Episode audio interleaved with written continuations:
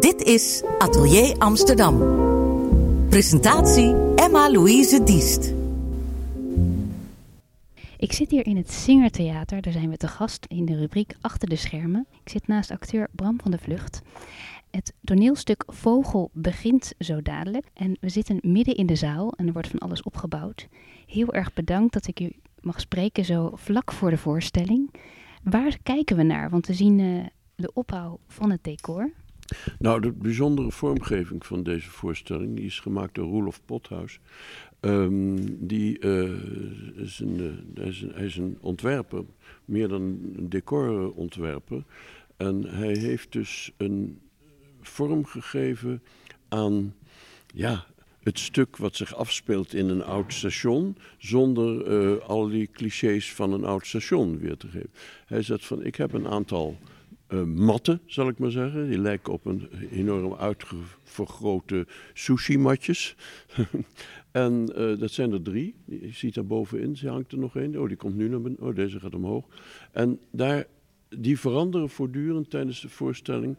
En geven dus een stationbank, een kamerwand, een uh, straatmuur, een, ding, of alleen maar een mooi grafisch effect. Want als je twee van die dingen uh, laat bewegen voor elkaar, dan krijg je een soort moiré-effect, zeker met tegenlicht.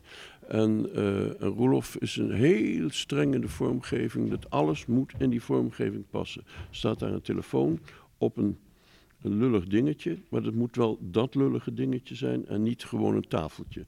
Dus met heel weinig middelen moeten we meteen weten waar we zijn? Met heel weinig middelen moet de ruimte gesuggereerd worden zonder dat die er is. En dat is, uh, ja, dat vind ik mooi en spannend theater. Wij moeten gewoon doen, zo geloofwaardig mogelijk zijn. En, uh, en, en, en, maar de omgeving moet dat helpen. In plaats van dat het alleen maar allemaal aangeeft van, oh ja, oh het station. Ja, de omgeving moet de suggestie helpen. En Roelof heeft dat prachtig gedaan. Ik weet niet of je daar ziet, hoog in de lucht hangen allemaal zakdoekjes. Zie je dat? Oh ja, oh inderdaad. Nou, dat zijn helemaal geen zakdoekjes. Dat zijn allemaal parachutes op afstand.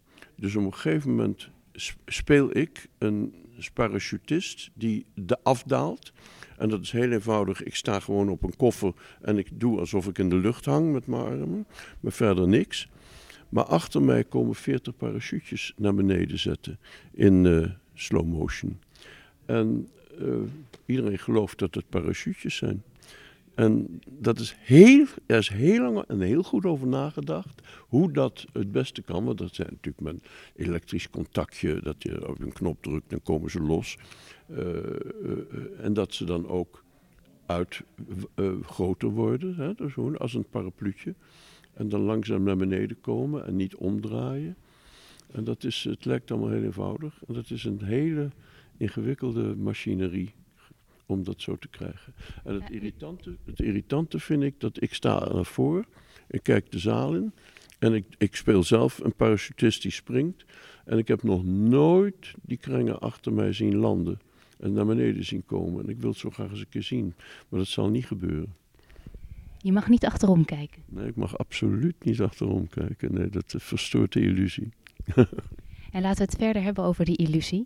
Want we gaan uh, nu even vanuit al die kleine suggesties stappen we het verhaal even in, want het verhaal is erg belangrijk hierbij.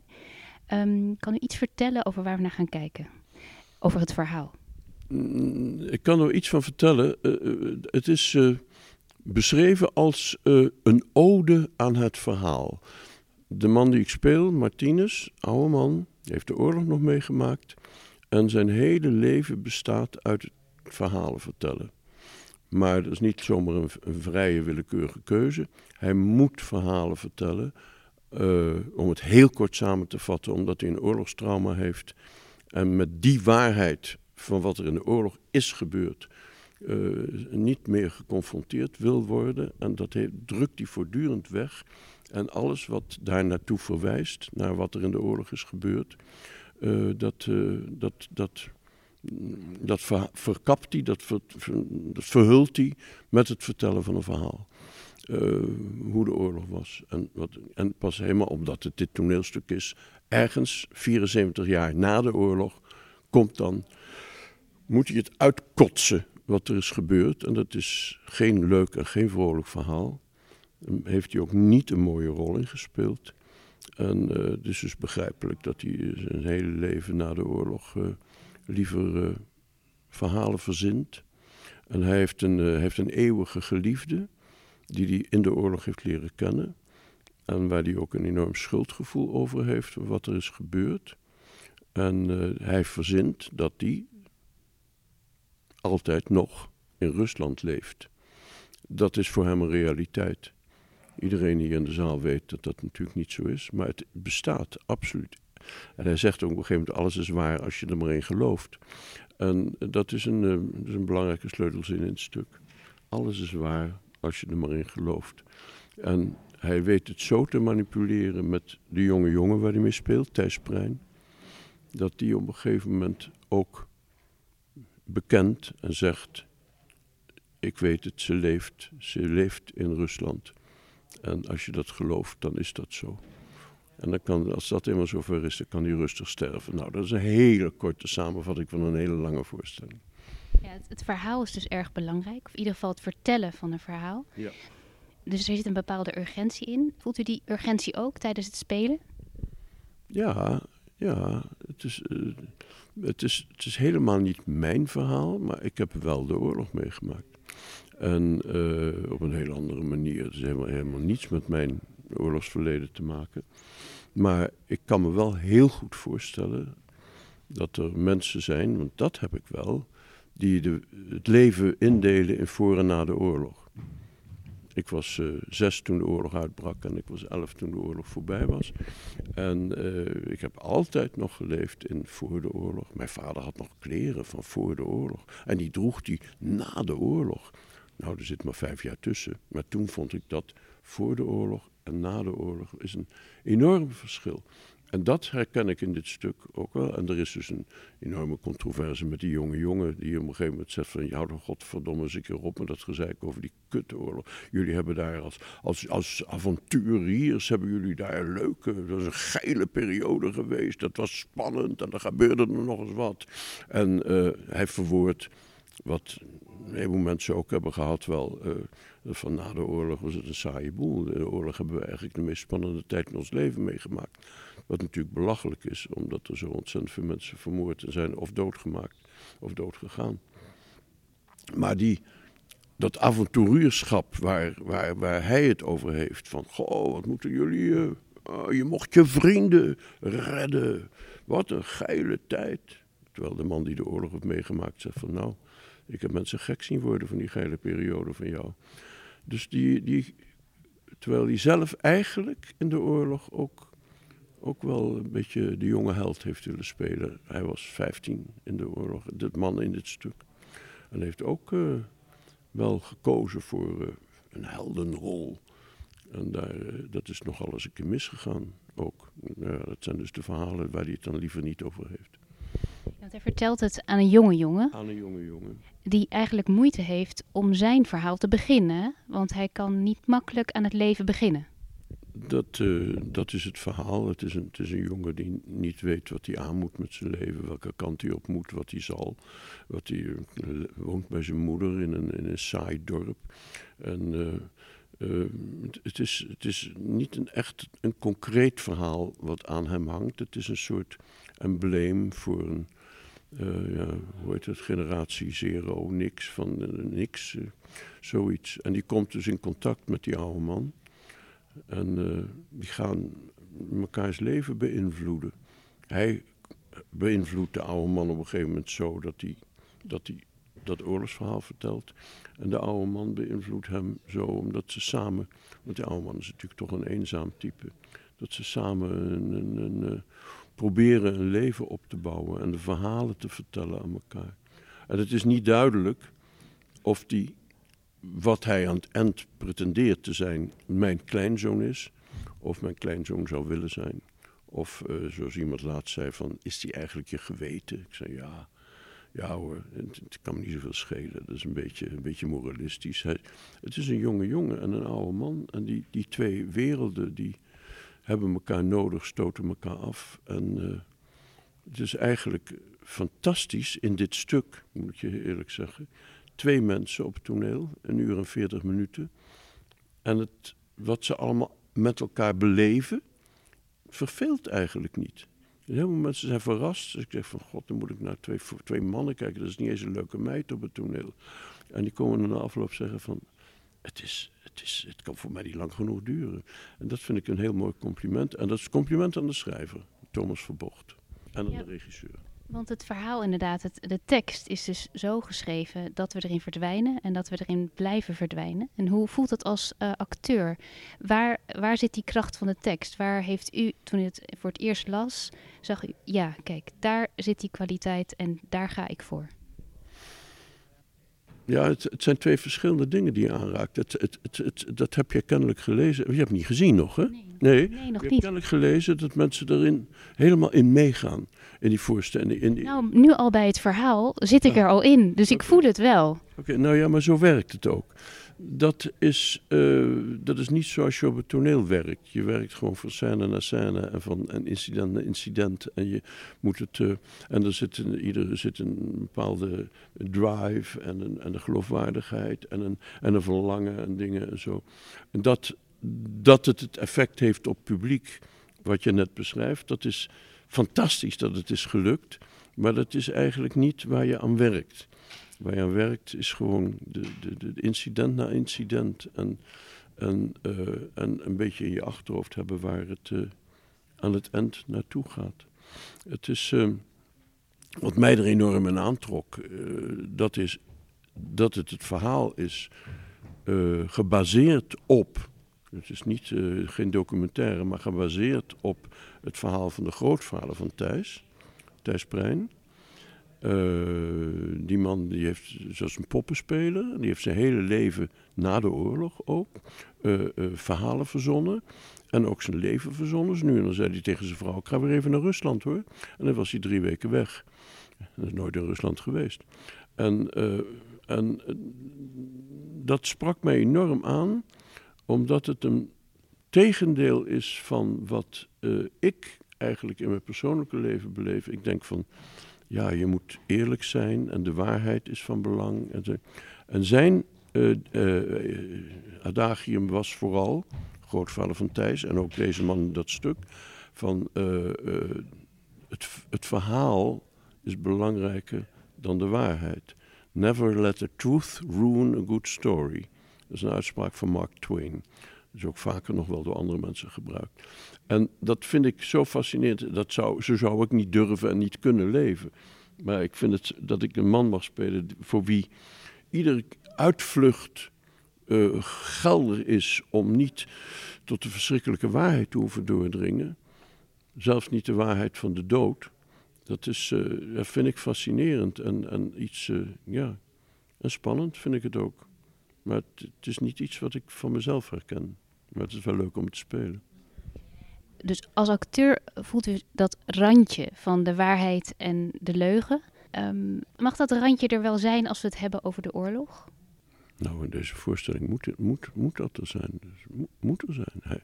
Als hij die jongen uitscheldt, op een gegeven moment is het van, ja, als je de oorlog had meegemaakt, dan piepte je wel anders. Er moest maar weer een oorlog komen, dan, uh, dan, dan, dan, dan lulde je wel. Zoiets is het.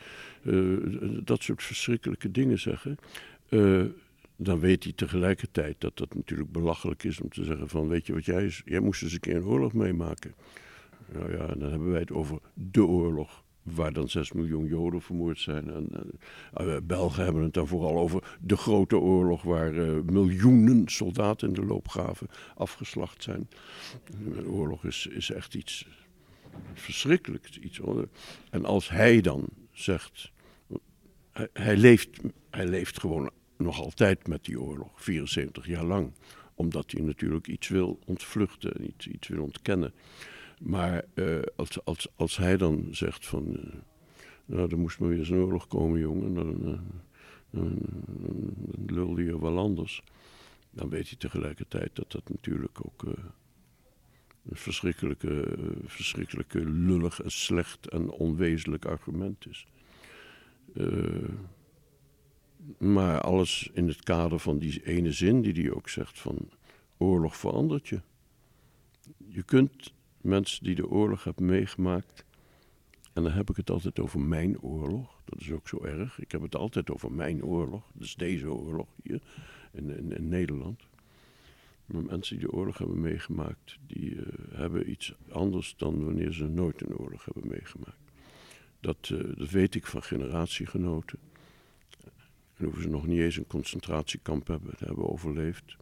Maar dat is, dat is anders. En dat was een periode van vijf jaar. Eigenlijk heel kort. Ga je maar eens terug naar 2014. Hoe kort is dat geleden? Maar die periode is, uh, is dus, uh, heeft dus op iedereen die nu nog leeft uh, een enorme invloed gehad. Tijd krijgt dus een hele andere waarde daardoor. Wat krijgt een heel andere waarde? De tijd, die staat eigenlijk stil. Ja, 40, 45 is echt iets anders dan 45, 50 en 50, 55. Dat, uh, dat, dat is. En het rare is dat het ook, in mijn herinnering althans, en ik heb best nare dingen meegemaakt, mijn herinneringen niet alleen maar leed en tragiek was.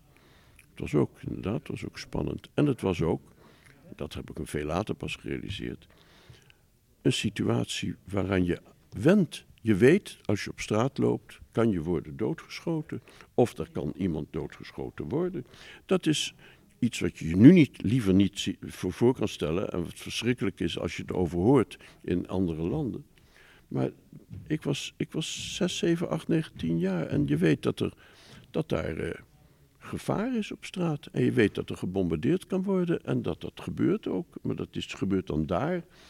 En uh, dat is een totaal andere realiteit dan, laten we zeggen, de 75 jaar daarna in mijn leven. Dat is. De, er werden mensen in mijn omgeving gearresteerd en weggevoerd. En ik denk als dat nu zou gebeuren, dat je dan in totale paniek zou raken. Toen was het, ja, dat, dat, dat kan gebeuren.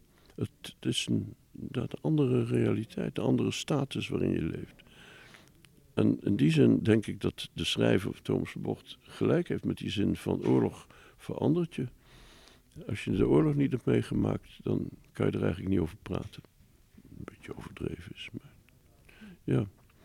En ik weet niet of u het lijkt nou over propaganda en reclame gaan maken, maar daarom ben ik zo blij en dankbaar dat dit stuk ook is uitgekozen om in Theater naar de Dam gespeeld te worden. In Amsterdam, de Lamar, 4 mei. Uh, omdat ik vind dat het uh, iets te zeggen heeft over wat het met mensen doet. De oorlog deed. Het geeft niks, misschien helemaal geen nieuwe inzichten. Maar ik vind het wel, uh, wel ik vind het belangrijk wat het zegt over mensen. Terwijl ik zo ontzettend goed weet dat er nou ja, je hoeft nou natuurlijk maar te. Het meest recente is, is, is, Sri Lanka. Maar iedere dag en altijd en overal in de hele wereld oorlog en moord en doodslag is. Religi religieuze oorlog, God beter het. In het wilde weg christenen vermoorden. En, of andere dingen. Wat er gebeurd is in Syrië. Wat er een aantal jaar geleden in, in het voormalig Joegoslavië gebeurde altijd maar oorlog waar mensen in leven en waar mensen in moeten sterven. En wij leven in de gelukzalige omstandigheid dat wij. We hebben in Indonesië nog wat oorlog gekend na de oorlog, na onze oorlog, tot de jaren 50. En daarna eigenlijk niet meer. Daar, eh, eigenlijk hebben wij niet in oorlog geleefd. Het is altijd ergens anders. Het is heel verbazingwekkend. Het is altijd ergens anders. Dus dan is misschien het vertellen van dit verhaal en de urgentie die daaraan vast zit, is misschien wel dat we dat in onze realiteit van nu wat meer voelen en wat meer uh, bewust worden dat dat verhaal er is. Dat, dat zou kunnen. Ik weet niet of je bedoelt dat dat het effect is van het spelen van die voorstelling. Dat het misschien zo voelt wanneer u dan het verhaal vertelt op het toneel, dat het dan weer een plek krijgt in de realiteit van nu. Dat is te hopen, ja Het is niet zo speciaal. Ik speel niet toneel om, om mensen te veranderen. Of, je weet ook niet wat je aanricht als je, als je in de zaal vol mensen zit. De ene eh, heeft uh, net een, een, een, familielid verloren. De andere heeft uh, wel de oorlog meegemaakt. Een derde heeft net iets verschrikkelijks of iets. Of een, en, en, en, voelt de dood naderen. God mag weten. Iedereen ervaart die voorstelling met zijn eigen, wat, wat, wat hij zelf meebrengt. Uh, dus ik heb helemaal niet de behoefte om te zeggen van ik wil deze mensen die hier vanavond met z'n allen zijn een boodschap geven. Dat is een klassieke verhaal van boodschappen doe je maar bij de Albert Heijn. Maar het grappige is, als er mensen na afloop komen die met hun eigen achtergrond mij vertellen waarom die voorstelling hen zo geraakt heeft, ja, dan emotioneert mij dat wel. Er kwam een jongen in Enschede, een jonge, jonge jongen. En uh, ik ging met hem, en hij was heel erg onder. En ik ging met hem in gesprek over, uh, over het stoeren van, van oorlog. Ja, nu, komt, uh, nu gaan ze het geluid uh, oefenen. Heb je daar last van? Nee. Er kwam een jongen en ik ging met hem in gesprek over uh, dat, dat, dat, dat de oorlog ook een geile periode is geweest voor jonge mensen. En de meest spannende periode in hun leven. Dat daarna werd het alleen maar saaier en vervelender met vrouwen, kinderen en werk en dingen en zo. En toen zei hij, nou, dat, dat kan je van Joodse mensen niet zeggen. Ik zei, nee. Joodse mensen hebben niet uh, de oorlog beleefd als een, als een uh. Nee. Maar dat was dus een Joodse jongen. Die een Davidster achter op zijn telefoon geplakt had. En voor wie wat er dat verhaal, wat, wat hij daar ziet, gerelateerd is aan zijn Joodse achtergrond. Een jonge jongen. En daarnaast stond meteen een hele andere jongen. Die zei van, oh, u hebt me zo doen denken aan mijn grootvader. Die twee maanden voor zijn dood eindelijk begon te praten over de oorlog. En dat heeft hij 75 jaar niet gedaan. Dat was zijn uh, uh, uh, referentie. En dan denk ik van, ja, en dan... En een andere mevrouw die ook zei, ook vond het zo mooi, ik vond het zo mooi. Was hij nou uw geweten? Ik zei, schat, ik weet het niet, ik weet het niet. Maar als jij dat vindt, ik vind het prachtig dat het mijn geweten is, die jonge jongen. Misschien was het alleen maar mijn kleinzoon. En misschien was het. Dus het is, het, het, is, het is wat je met een voorstelling doet. Mensen raken en mensen amuseren. En amuseren kan ook met, met lachen en met een traan en met herkenning. Her, heeft te maken met herkenning. Maar uh, ik ga niet voorspellen wat het met de mensen moet doen. Dat is, maar wat wel zo is, is dat we kijken naar een verhaal of we beleven een verhaal op het podium. En dat heeft de uitwerking dat er weer nieuwe verhalen ontstaan. Of in ieder geval, het zet mensen aan tot het vertellen van verhalen. Letterlijk al na de voorstelling. Dus dat is wel een hele grote waarde. Ja, als dat zo is, letterlijk al na de voorstelling. Omdat ze zijn verhaal aan mij vertellen, ja. Ja, dat is een, uh, ja, vind ik leuk, ja, vind ik fijn, ja. Ik. Maar ik, ik speel het omdat ik denk van hé, hey, dit is een interessant gegeven en dat kan een mooi stuk worden. Er was namelijk geen stuk, hè? mag ik ook even vertellen. Want Thijs en ik, die hebben gezegd van we moesten dit maar eens doen. Iets over mijn grootvader, Thijs. En toen zei ik van dan moet het een beetje een goed stuk worden en dan moet jij het schrijver zoeken. En toen heeft hij Thomas Versbocht gevonden. En uiteindelijk, in vorig jaar in uh, september, was er een stuk wat Thomas en Thijs samen hadden geschreven. En dat gingen we lezen. En dat duurde toen 4,5 uur. Dan zei ik van ja, ik vind het hartstikke interessant, maar dat gaan we dus niet spelen. En toen is Thomas en Thijs zijn al hun darlings gaan killen.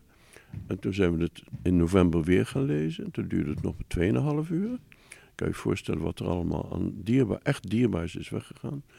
En toen we het uiteindelijk gingen repeteren in januari, toen was het nog een uur en 40 minuten en dat is het nou nog. En voor mij want ik heb me er toen wel mee bemoeid in dat laatste stadium, zijn dus alle uh, waardevolle dingen bewaard gebleven. En een heleboel dingen, zijpaden, niet ingeslagen, omdat ik denk van dat kan je het publiek niet aandoen. Het publiek eh, breng je ergens naartoe en dan ga je nog weer eens een heel ander verhaal vertellen. En dan denk van hallo, uh, word ik weer op een ander been gezet. Dus ik heb een beetje geconcentreerd op, uh, op van A naar Z zonder al te veel uh, zijpaden. Niet zozeer uit de verhalen gedacht, maar wel vanuit de ja, theaterervaring. Van, je moet die mensen wel bij hun kladden houden. Dat ze niet iets hebben van, uh, ja, gooi het maar in mijn pet, nou snap ik het niet meer. En uh, ik, ik vind dat het stuk van Thomas en van Thijs, zoals we er nu met de regisseur ook, Peter van der Meulenbroeken, aan gewerkt hebben, nou ja, behoorlijk spannend is geworden eigenlijk. Met, met een aantal dingen waar ik ontzettend aan hecht. En, dat heeft inderdaad ook met die oorlog te maken. Ja. Ja. dus een dierbaar project. Dat is een zeer dierbaar project. Zeer dierbaar. En dat wou ik ook graag.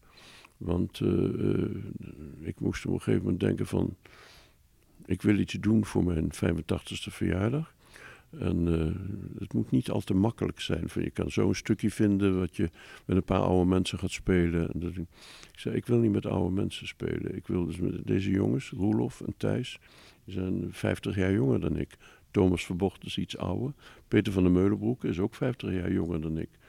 En die hebben dus een heel andere, uh, uh, ander, ander besef van, van theater maken dan ik. En uh, dat, dat, geeft nogal eens een conflict ook tijdens het repeteren. Ja, maar dit kan je niet maken, dit begrijpen de mensen niet. Ja, we gaan mijn publiek wel, roept Peter van der Meulenbroek. Ik zeg, ja, maar jouw publiek en mijn publiek. Nou goed. Dus het is voortdurend zoeken naar, naar dingen die niet zo voor de hand liggen, omdat ik het al 50 jaar heb gedaan. En dingen die toch werken. En die, uh, die ook jonge mensen aanspreken, kennelijk. Dus ik ben er eigenlijk heel, uh, heel dankbaar voor. Dat ik, want het is een moeilijke weg geweest. Ik vind, het, uh, ik vind het ontzettend leuk om erover te praten. En het is heel dierbaar. En ik ben heel dankbaar dat ik die moeilijke weg ben ingeslagen. En niet de makkelijke weg heb gekozen om weer eens een stukje te doen. Dit is een, uh, is een project, inderdaad. En met een onzekere uitkomst. En het is eigenlijk wel een beetje gelukt. Nou, daar gaan wij ook van genieten, denk ik. Als publiek willen we graag het onderdeel worden van het project Vogel. En het gaat beginnen, het uh, licht is alweer gedimd. En uh, we kijken nog eventjes naar de kleine parachutjes. Heel erg bedankt Bram voor dit gesprek. En heel veel plezier met het stuk. Ik heb het laatste niet verstaan, maar ik dank je wel voor dit gesprek.